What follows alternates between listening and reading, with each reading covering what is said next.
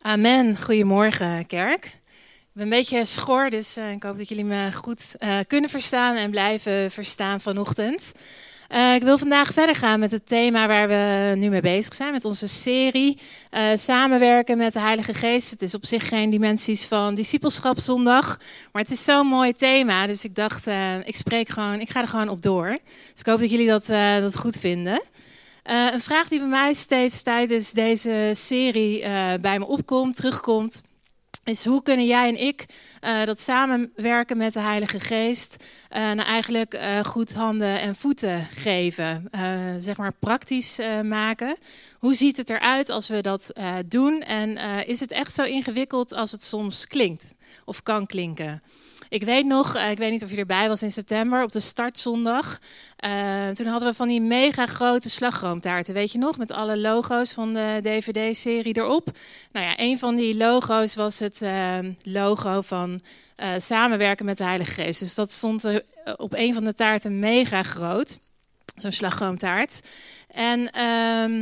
Ehm, dat vond, eh, ja, ik, ik, uh, ik zag dat er een aantal taarten overbleven, twee volgens mij. En eentje daarvan was het samenwerken met de Heilige Geest taart. En dat vond ik zo zonde, dus ik dacht, laat ik me opofferen om hem mee naar huis te nemen. Iemand moet, hem toch, uh, iemand moet het toch doen. Dus eenmaal uh, thuis bij mijn ouders, lunchen meestal bij mijn ouders op zondag, kwamen we op het fantastische idee na de lunch. We pakten zo'n groot, mega groot dienblad. Uh, wat van die plastic vorkjes, een stapeltje papieren wegwerpbordjes uh, en uh, een groot mes ernaast. en zo liepen Jan Bernard en ik eh, het centrum van de stad in, want daar wonen zij. En de eerste persoon die wij overvielen was uh, Abdullah. Uh, hij stond op het pleintje van het conservatorium. Uh, Ab die werkt daar elke zaterdag volgens mij, of nee, elke zondag dan waarschijnlijk, voor een pop-up fietsenstalling. En ik had hem eigenlijk nog nooit eerder gegroet of, of gesproken tot die, tot die dag dat we met die taart aankwamen lopen. Dus wij begroeten hem met, hoi, heb je soms zin in een stukje van deze taart? Um, we hebben hem over en we dachten, uh, we gaan hem uitdelen. En het is uh, gratis. Dus uh, Abdi, uh, je zag gewoon aan zijn gezicht dat hij het ontzettend leuk vond. Hij begon te, stralen en hij zei, wat leuk, wat lekker. jullie maken een hele dag goed. Dit is de eerste moment van de hele dag dat iemand mij aanspreekt. en hij keek, keek, ook heel nieuwsgierig gelijk. Die taart was natuurlijk nog helemaal heel naar de tekst die op de, op de taart stond. Samenwerken met de Heilige Geest. En uh, we zeiden, ja, uh, we hebben die taart over van, uh, van vanochtend van de kerk. En je zag hem denken, hmm, een kerk die taart uitdeelt, dat is nog eens een leuke kerk. Um, nou ja, we hebben, um, zo gingen we eigenlijk door met, met lopen. En wie we tegenkwamen vroegen we hetzelfde. Dus steeds van het ene naar het andere slachtoffer. En 45 minuten en 30 slachtoffers. Uh, later één leeg dienblad en uh, eh, 40 gesprekjes over God. Uh, later zijn we weer, weer thuis. En ik dacht, het is misschien leuk om mee te beginnen. Dit is gewoon één heel simpel voorbeeldje van hoe samenwerken met de Heilige Geest eruit kan zien. Uh, laten we de Bijbel uh, erbij pakken, de Bijbel induiken. Als je wil, lees even met me mee en anders via de tekst hier achter mij. Gelaten 5, vers 14 uit de MBV. Daar staat iets over onze naaste. Wat staat daar? Er staat, uh, je bent geroepen om vrij te zijn. Misbruik die vrijheid niet om je eigen verlangens te bevredigen, maar dien elkaar in liefde. Of zoals de message-vertaling in het Engels uh, zegt: Use your freedom to serve one another in love. That's how freedom grows. En dan, hele belangrijke zin uit de Bijbel, denk ik. De hele wet is vervuld in één zin, in één uitspraak. Namelijk, Even een cliffhanger. je mag eventjes uh, je omdraaien naar je buurman, buurvrouw op dit moment. En hem of haar uh, betekenisvol aankijken. Zoals ik wel eens vaker van je vraag. Um, zijn jullie er klaar voor? Uh, de wet in één zin houdt van je naaste als van jezelf. Dus ik hoop dat je naast een leuk iemand zit vandaag. Love others as you love yourself. That's a true act of freedom. Um, Ik zal jullie niet vragen om elkaar langer aan te staren, dat is ook een beetje ongemakkelijk. Uh, dezelfde tekst uh, in mijn eigen woorden zou ik uh, zo verwoorden. Buurman, buurvrouw, ik heb je lief. Die is nog makkelijker om te onthouden. Um, zo simpel is onze opdracht eigenlijk. Vijf woorden. Buurman, ik heb jou lief. Of in drie woordjes, heb anderen lief. Als je één ding onthoudt van deze preek, mag je dat onthouden. Bijbel Basics, les 1. Um, eigenlijk, zelfs als je dit onthoudt, hoef je misschien de hele Bijbel eigenlijk helemaal niet meer te lezen, zegt de voorganger. Nee maar dat was een grapje. Uh, maar om aan te geven hoe belangrijk het is. Um, als je op deze manier lief hebt, zegt Jezus, uh, dan houd je eigenlijk aan alles wat God van je vraagt. Dit is samenwerken met de Heilige Geest, uh, Jezus-stijl. Heb anderen lief. In Marcus 12 zegt Jezus uh, hetzelfde. Hij zegt: Heb God lief, heb je naaste lief. Geen enkele wet is belangrijker dan deze twee. Oké, je naaste lief hebben, prima. Gaan we doen, doen we. Uh, wel handig om te weten dan wie je naaste precies zijn. Uh, als je het aan mij vraagt, dan komen naasten in in ieder geval drie categorieën. Uh, en de eerste categorie is onze letterlijke naaste. De persoon die naast je woont. Uh, een deurtje verderop dus. en om uit te vinden wie dat is, dacht ik, misschien moeten we gewoon allemaal deze week eventjes onze voordeur uitlopen, voor de deur gaan staan en zo ver mogelijk om ons heen kijken als we kunnen.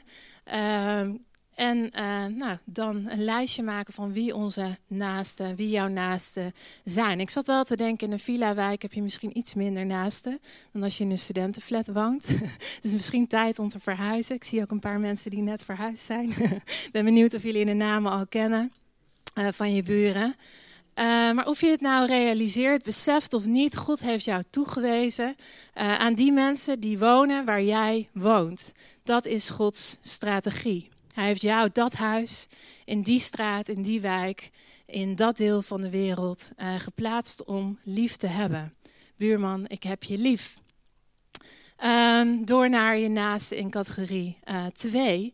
Uh, uh, jouw naaste is ook die persoon aan het bureau naast je.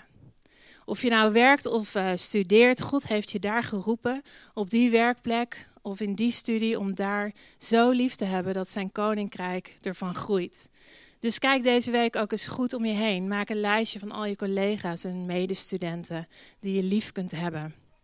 Nou, de laatste categorie, categorie 3 van je naasten, uh, die ligt denk ik enorm uh, voor de hand. Uh, maar ik denk ook dat je hem ontzettend makkelijk kan missen. dit is misschien wel de meest ehm, uitdagende categorie naaste die ik noem. en ik heb het over de persoon uh, wiens tandenborstel naast die van jou staat. Het is super om door God gebruikt te worden om de wereld uh, te redden, om de wereld lief te hebben. Maar het kan een grote uit uitdaging zijn om te houden uh, van die mensen die onder hetzelfde dak wonen als jij. tot zover even de drie categorieën van naasten. En ik denk ook dat je eigenlijk deze drie categorieën gelijk uh, meteen maar weer moet vergeten. Want waar het eigenlijk op neerkomt is, uh, onze naaste is gewoon de volgende uh, persoon die God op je pad brengt om lief te hebben. Eigenlijk iedereen die je tegenkomt dus deze week. Maar er is meer. Misschien denk je, uh, nou Janneke, jij hebt makkelijk praten. Je hebt leuke buren, je hebt leuke collega's, leuke familie. um, maar je hebt zeker mijn familie, mijn buren nog niet ontmoet. Maar daar heeft Jezus ook iets over te zeggen in Lucas uh, eh, 6, dus die pakken we er even bij. Ik begin in vers uh, eh, 27 en 28. Daar zegt Jezus, luister naar wat ik zeg, houd van je vijanden en wees goed voor de mensen die jou haten.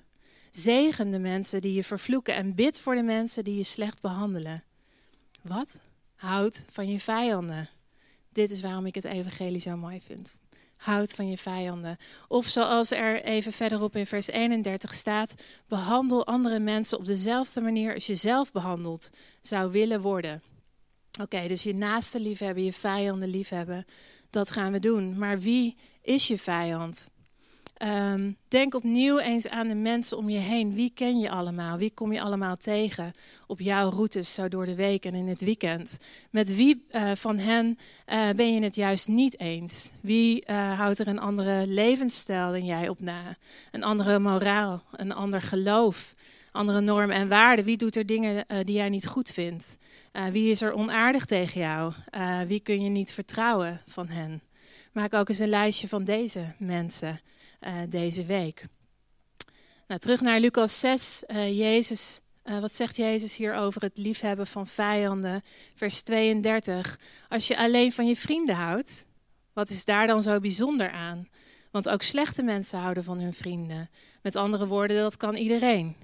En dan vers 33. En als je iets goed doet voor iemand die iets goed doet voor jou, wat is daar zo bijzonder aan? Ook slechte mensen die doen dat. En Jezus gaat nog een stapje verder, vers 34.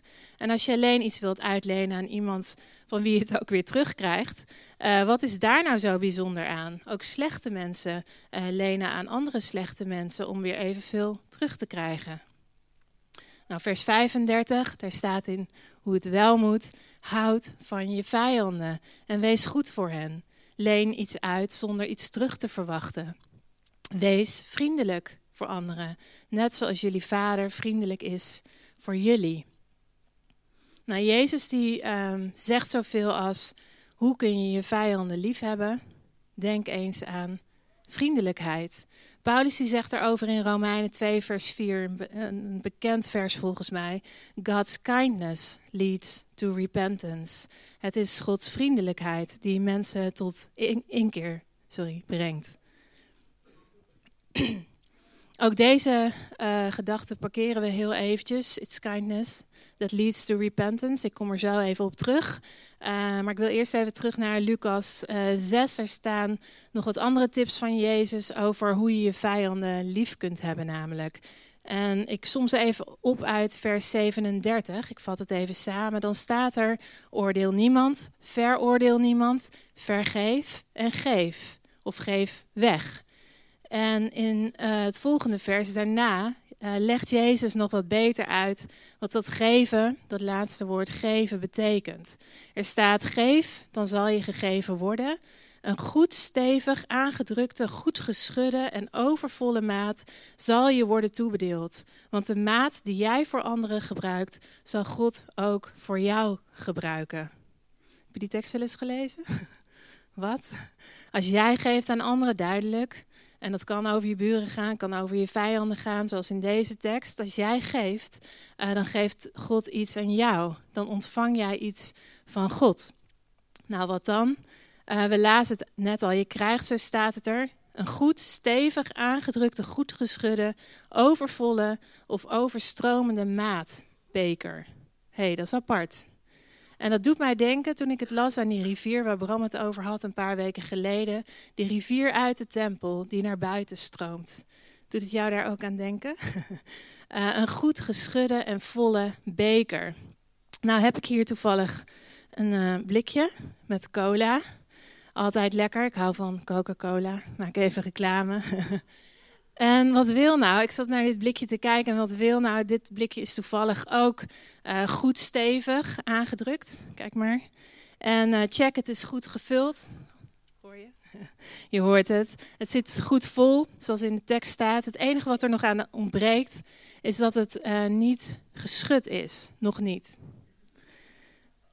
Stel je voor dat jij, stel je even voor, dat jij dit blikje bent en dat God dat blikje vult tot het overvol zit. Hij drukt het stevig aan en hij schudt het goed. Ja? Wat gebeurt er dan? Um, ik zie niet zo heel veel uh, gebeuren aan de buitenkant als ik dit uh, blikje schud. Jullie wel? Maar volgens mij gebeurt er uh, wel het een en ander aan de binnenkant. Als God je vult met de Heilige Geest, uh, dan begint er van binnen iets op te borrelen. En dat is een heel fijn, vaak, ja, hoe noem je dat in het Engels, fuzzy feeling. Uh, er is bijna niks uh, zo fijn als dat. Bijna dan. Weet je wat God nog veel leuker vindt? Ik heb eigenlijk even iemand zijn hulp nodig.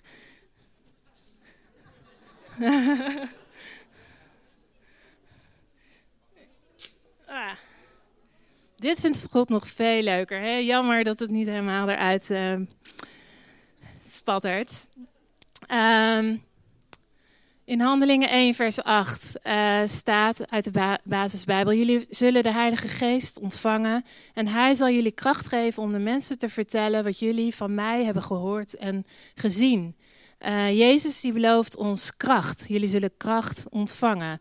Uh, de kracht van de Heilige Geest die is er om te getuigen. je wordt gevuld met kracht om verschil uit te maken in jouw wereld, jouw naaste, jouw vijanden. Het woord kracht dat Jezus hier in deze tekst gebruikt, is heel mooi. Uh, wat hij kiest, dat is het woord dynamis. Uh, God geeft ons dus dynamis. En weet je waarvan dat woord afstamt? Dat woord stamt af van dynamiet. Nou, donderdagochtend waren Bram en Rosemarie en ik uh, bij elkaar om te vergaderen over de gemeente, over jullie. En aan het eind uh, baden ze even voor mij in verband met de preek van vandaag. En tijdens dat gebed uh, gaf God me een, een, soort, ja, een indruk, een beeld van wat hij vandaag eigenlijk met ons zou willen doen. En wat ik zag is, ik zag een, een eekhoorn. En die eekhoorn die was heel druk bezig om allerlei nootjes te verzamelen. En ik zag hoe hij die nootjes in een leegte van een boom stopte als voorraad om te bewaren voor later. En toen had ik het idee dat God tegen me zei: Jullie zijn soms als die eekhoorn. Uh, jullie verzamelen de kracht van de Heilige Geest en jullie slaan hem op voor later. Uh, maar, en dat zei God echt super liefdevol, ik wil dat jullie die nootjes uh, niet voor jezelf houden en bewaren voor later, maar gaan uitdelen. Ik wil dat jullie je voorraad gaan delen met anderen. dus daar hebben we het vandaag over. Ik weet niet of je het meegemaakt hebt deze week, maar Billy Graham is overleden hè, op 99-jarige leeftijd. Ik dacht, wat een man, hè? we zullen hem echt, uh, echt missen hier in de wereld. Um, en een van zijn bekendste quotes um, is, en misschien heb je hem al eens eerder gehoord, eerst even in het Engels. Uh, God, uh, God has given us two hands, one to receive with and one to give with. We are not cisterns made for hoarding. We are channels made for sharing. Hele mooie quote. God heeft ons twee handen gegeven. Eén om te ontvangen en één om weg te geven. We zijn geen reservoirs uh, om in te verzamelen. We zijn kanalen gemaakt om uit te delen. Dus nog een keertje handelingen 1 vers 8. We lazen hem net ook al. Jullie, zijn, jullie zullen de kracht van de Heilige Geest ontvangen om, om van Jezus te getuigen. Jullie eh, zullen dynamis, dynamiet ontvangen.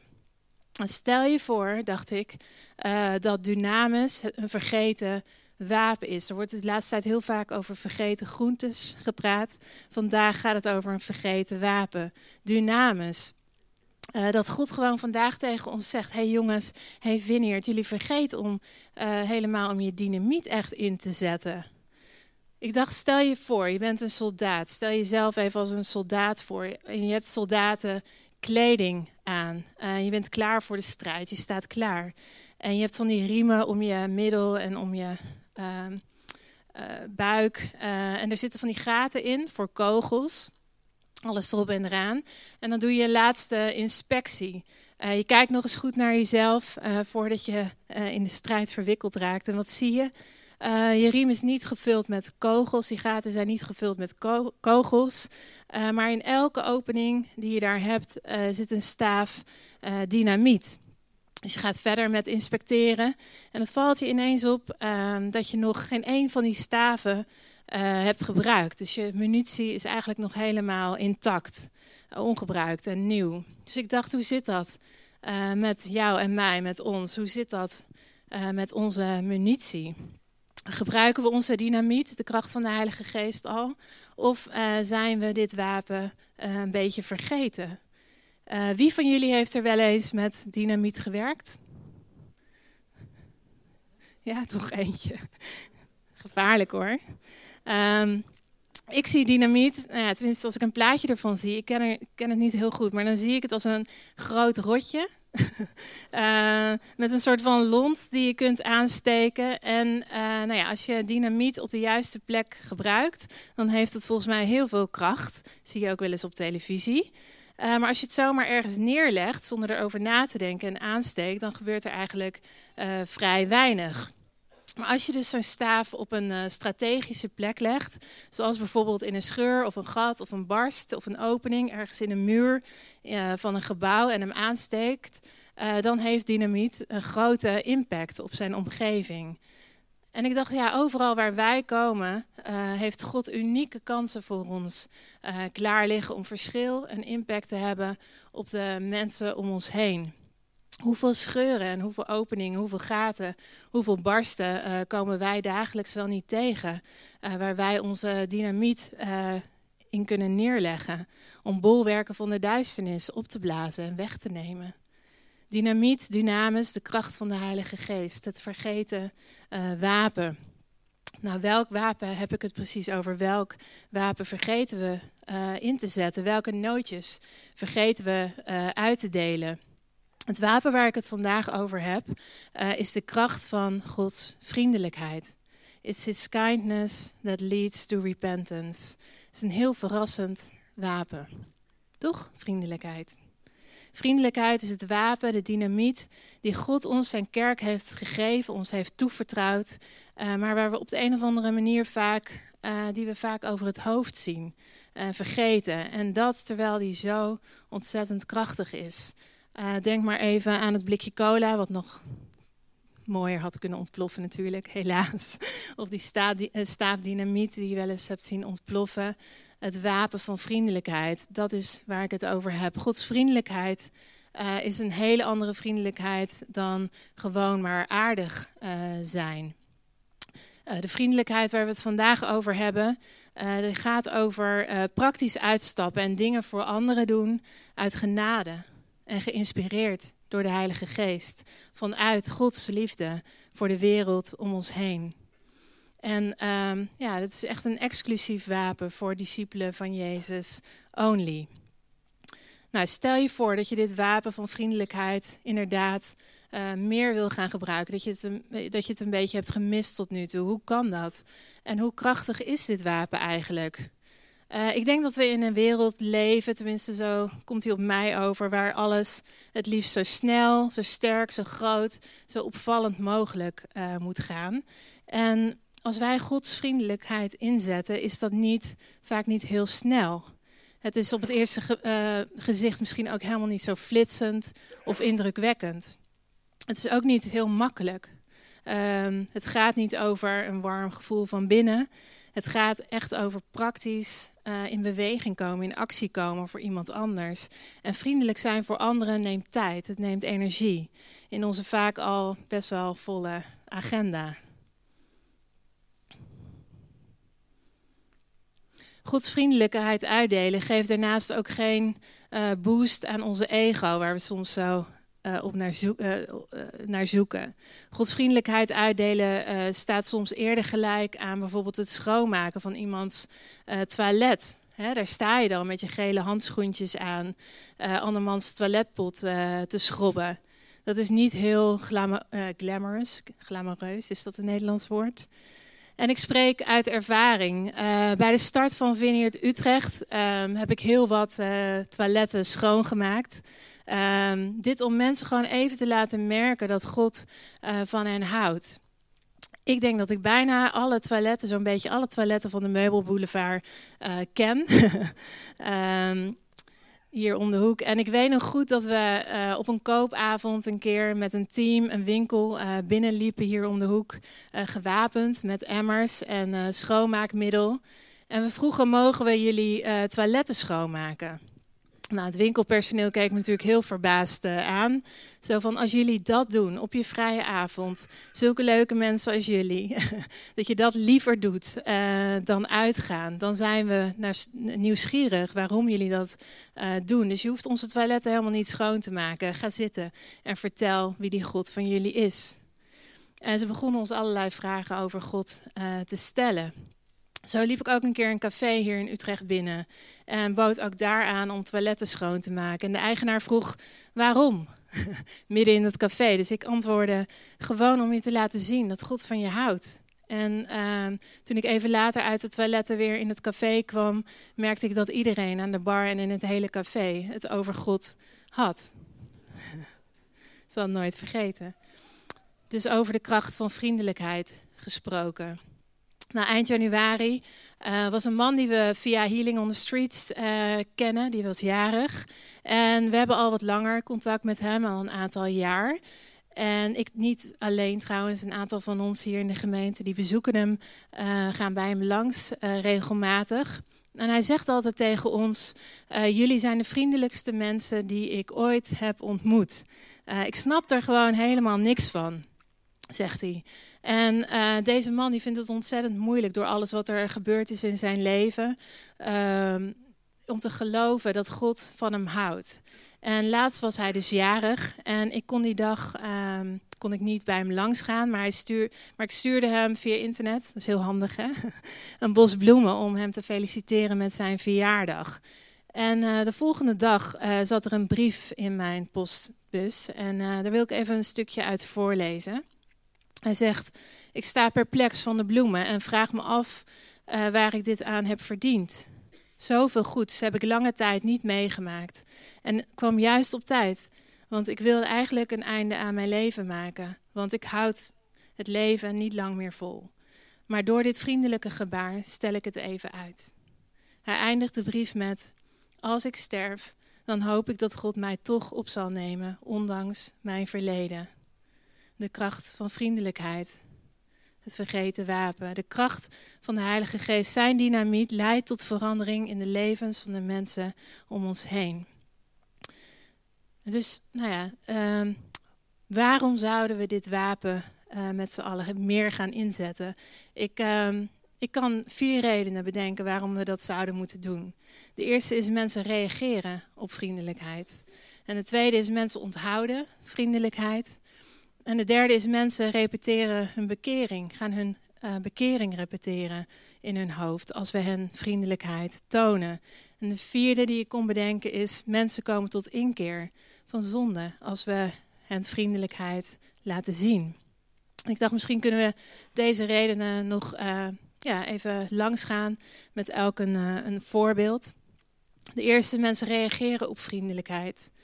Um, deze quote heb je waarschijnlijk ook wel eens eerder gehoord. Ik ben echt van de quotes, daardoor onthoud ik dingen.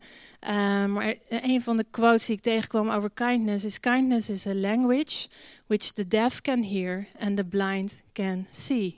Mooi hè? Vriendelijkheid is een taal die mensen kunnen begrijpen. Vriendelijkheid zet als het ware de deur open voor Gods liefde. En dan moet ik denken aan een jongen, hij heet Jeroen. En hij woonde heel dichtbij een, uh, of woont heel dichtbij een park. En hij wil zo graag mensen over Jezus vertellen en over Gods liefde voor hen. Uh, speciaal, speciaal heeft hij joggers op het oog daarvoor. Dus wat doet hij? Hij gaat naar dat park, hij loopt naar dat park toe en probeert daar uh, in gesprek te raken met joggers die door het park heen joggen. Maar wat blijkt? uh, geen enkele jogger die wil natuurlijk stoppen om uh, met hem te praten. Uh, op, op, zich heel logisch, maar Jeroen die geeft het bijna op, en, maar hij wil zo graag. En dan ontdekt hij van, hé, hey, het is eigenlijk warm weer vandaag. dus wat doet hij? Hij wandelt naar de dichtstbijzijnde supermarkt en hij slaat wat ijskoude blikjes cola in. Hij loopt terug naar het park, uh, voorzien van die blikjes. En begint die uh, blikjes uit te reiken aan de mensen die daar joggen. Met de vraag: wil je light, wil je regular, of wil je limoen, citroen? En wat gebeurt er? De joggers die stoppen om eventjes op adem te komen, even het drankje uh, wat hij aanbiedt op te drinken. En ze vragen waarom hij dat doet, opnieuw.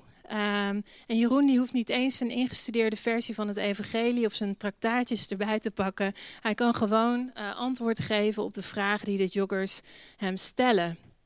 Dit is voor mij zo'n eye-opener.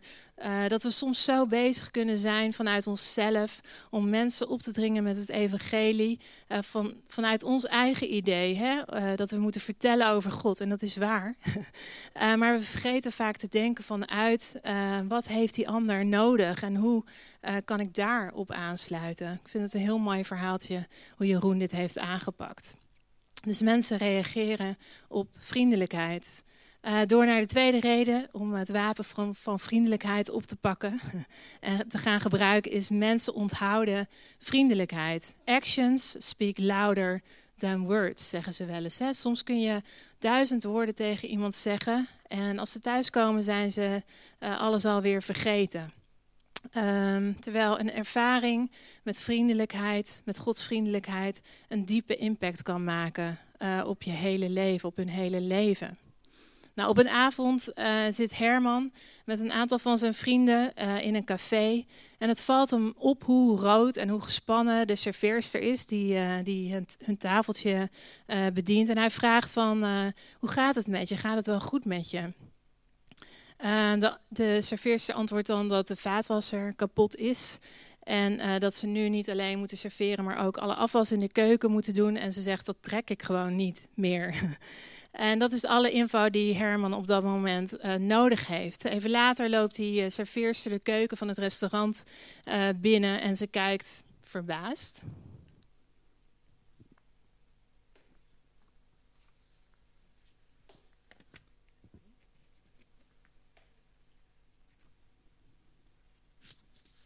Die kleven een beetje te veel aan elkaar. uh, ze kijkt verbaasd uh, naar de jongens en ze zegt: uh, Jongens, zijn jullie niet die mannen die bij tafel 10 zaten? waarom staan jullie hier de afwas te doen? En Herman zegt: Om je gewoon even te laten zien dat God van je houdt. Wat?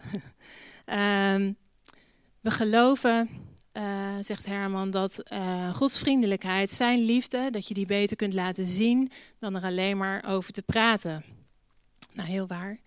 Uh, de derde uitwerking die Gods vriendelijkheid um, op mensen heeft, is mensen gaan hun bekering zelfs repeteren als we hen vriendelijkheid tonen. Ik kan het niet echt bewijzen, maar ik heb het idee dat mensen al voordat ze tot geloof in Jezus komen, in hun hoofd gewoon soms oefenen hoe dat zal gaan. Het gewoon gaan voorstellen, gaan verwoorden. Um, zo zat ik um, twee weken geleden in het vliegtuig op weg naar Nottingham. Uh, de stad van Robin Hood, uh, naar de Vineyard UK eh, National Leaders conferentie. En ik heb een stoel in dat vliegtuig geboekt op rij 6, dus vrij vooraan aan het gangpad. En er komt er, op, op een gegeven moment komt er een hele stoere jongen binnen. En die, die komt naast me staan, naast, de, naast mijn stoel. En hij zegt in het Engels, ik heb, ik heb de stoel aan het raampje. En ik zie dat hij zo'n, ik weet niet precies hoe je dat noemt, zo'n nekband... Uh, hij heeft iets aan zijn nek, uh, hals, hoe heet het? Nee, halsband uh, om heeft. Klinkt ook heel raar. Nee, dat klopt niet. en hij vraagt in het Engels: Wil jij anders aan het raampje zitten? En ik zo, no, no, want ik heb een beetje hoogtevrees. Vind het maar eng aan zo'n raampje. Ik zit liever aan het gangpad. maar als ik zie, zie hoe hij gaat zitten, Um, dan, dan, merk ik gewoon hoeveel pijn hij aan zijn nek heeft. En dan zeg ik, als het beter voor jou is, uh, dan wil ik natuurlijk aan het raampje zitten. Dan ruil ik graag. Um, nou, als we een tijdje in de lucht zitten, dan zie ik hoeveel pijn hij heeft. Hij, lijkt, hij lijkt eigenlijk steeds meer pijn te krijgen. En ik vraag, are you okay? Want er is natuurlijk heel veel herrie in het vliegtuig. Dus hij, wijst terug, yes. Dus uh, hij vond het blijkbaar een leuke vraag. um, En uh, ik twijfel even, ik ga twijfelen. Uh, ik ben natuurlijk onderweg naar een conferentie over God. En ik denk, oh, moet ik niet voor hem bidden? Um, en hij kan natuurlijk nergens heen, dus dat is mooi. Hij, dus wat ik doe is, ik besluit het bij God te checken. Zoals ik altijd doe, hebben jullie wel eens vaker van me gehoord. Dus ik vraag, Heer, wilt u, vindt u het goed dat ik voor deze jongen bid? En natuurlijk, zegt God, ja. Uh, maar ja, je kent me. Ik wil het dan even zwart op wit van God en ik wil een soort van bevestiging. Dus ik zeg, Heer, uh, als Mark, uh, Vineyard, voorganger Vineyard Amsterdam, die zit iets verder achter in het vliegtuig. Als hij naar de wc gaat en langs me loopt, dan, dan weet ik zeker dat u wil dat ik voor hem bid en dan doe ik het. Maar ongeveer iedereen uit het vliegtuig gaat naar de wc en loopt naar voren, maar niet Mark. dus ehm, het vliegtuig landt gewoon, ik stap uit en ik ben veel eerder uit het vliegtuig dan deze jongen met zijn pijn. En ik loop naar de douane en opeens heb ik zo'n spijt. Dan denk ik van, oh, dit is echt een gemiste kans. Waarom heb ik nou niet gewoon voor hem gebeden? Hoe moeilijk is dat nou? En dan uit het niets uh, bots ik bijna tegen die jongen op. Hij heeft blijkbaar kent hij het uh, vliegveld heel goed en kent hij de kortere routes. En ik zeg, hey, we meet again. um, how are you feeling? En uh, die jongen zegt, oké, maar uh, ik heb ontzettend veel uh, pijn. Dus ik hoor mezelf opeens zeggen, can I pray for you? Uh, en hij zegt, ja, sure. En uh, ik worstel me ongeveer door het slechtste gebed heen in het Engels voor genezing, wat ik ooit gebeden heb, aller tijden, denk ik. Niet alleen ik. Um, ja, en al lopend uh, door de douane, door die poortjes, je kent ze wel, raken we samen verder in gesprek. En die jongen uh, heeft eerder die week, is hij, heeft een zwaar ongeluk gehad op zijn werk. Uh, waardoor hij zijn nek en zijn rug ontzettend bezeerd heeft. En nou ja, we stellen ons elkaar, aan, of elkaar voor. En hij heet Lucas. En hij zegt al een paar keer, dat blijft hij maar zeggen. I feel so blessed. Nobody ever prayed for me. I feel so blessed. En ik vertel hem uh, dat God ontzettend superveel van hem houdt. En hij begint gewoon te stralen. En hij vertelt me dat uh, hij vroeger wel als kind gedoopt is, maar nooit iets met God heeft gedaan. Of nooit in een kerk is geweest of wat dan ook verder. En hij blijft maar zeggen, I feel so blessed. Thank you so much for praying. En uh, ik denk dat door, door Lucas Gods vriendelijkheid te tonen die dag, mijn stoel aan te bieden, uh, voor hem te bidden, raakt Lucas uh, echt geïnteresseerd in God. Hij begint zich hardop af te vragen, dat zie je gewoon aan hem. En dat doet hij gewoon letterlijk. hoe zou het zijn om in God te gaan geloven? En dat is wat vriendelijkheid met mensen doet. Nou, nog één reden en dan ga ik afsluiten. Eén reden om vriendelijkheid in te zetten als wapen is nummer vier. Mensen komen tot inkeer als we hen vriendelijkheid uh, tonen. Dus één laatste, laatste voorbeeld hierover. Dit is niet van mezelf. Het gaat deze keer over een Rianne. En Rianne die verhuist naar een nieuw appartement. En ze ontmoet haar nieuwe buurvrouw. En die buurvrouw heet Shirley.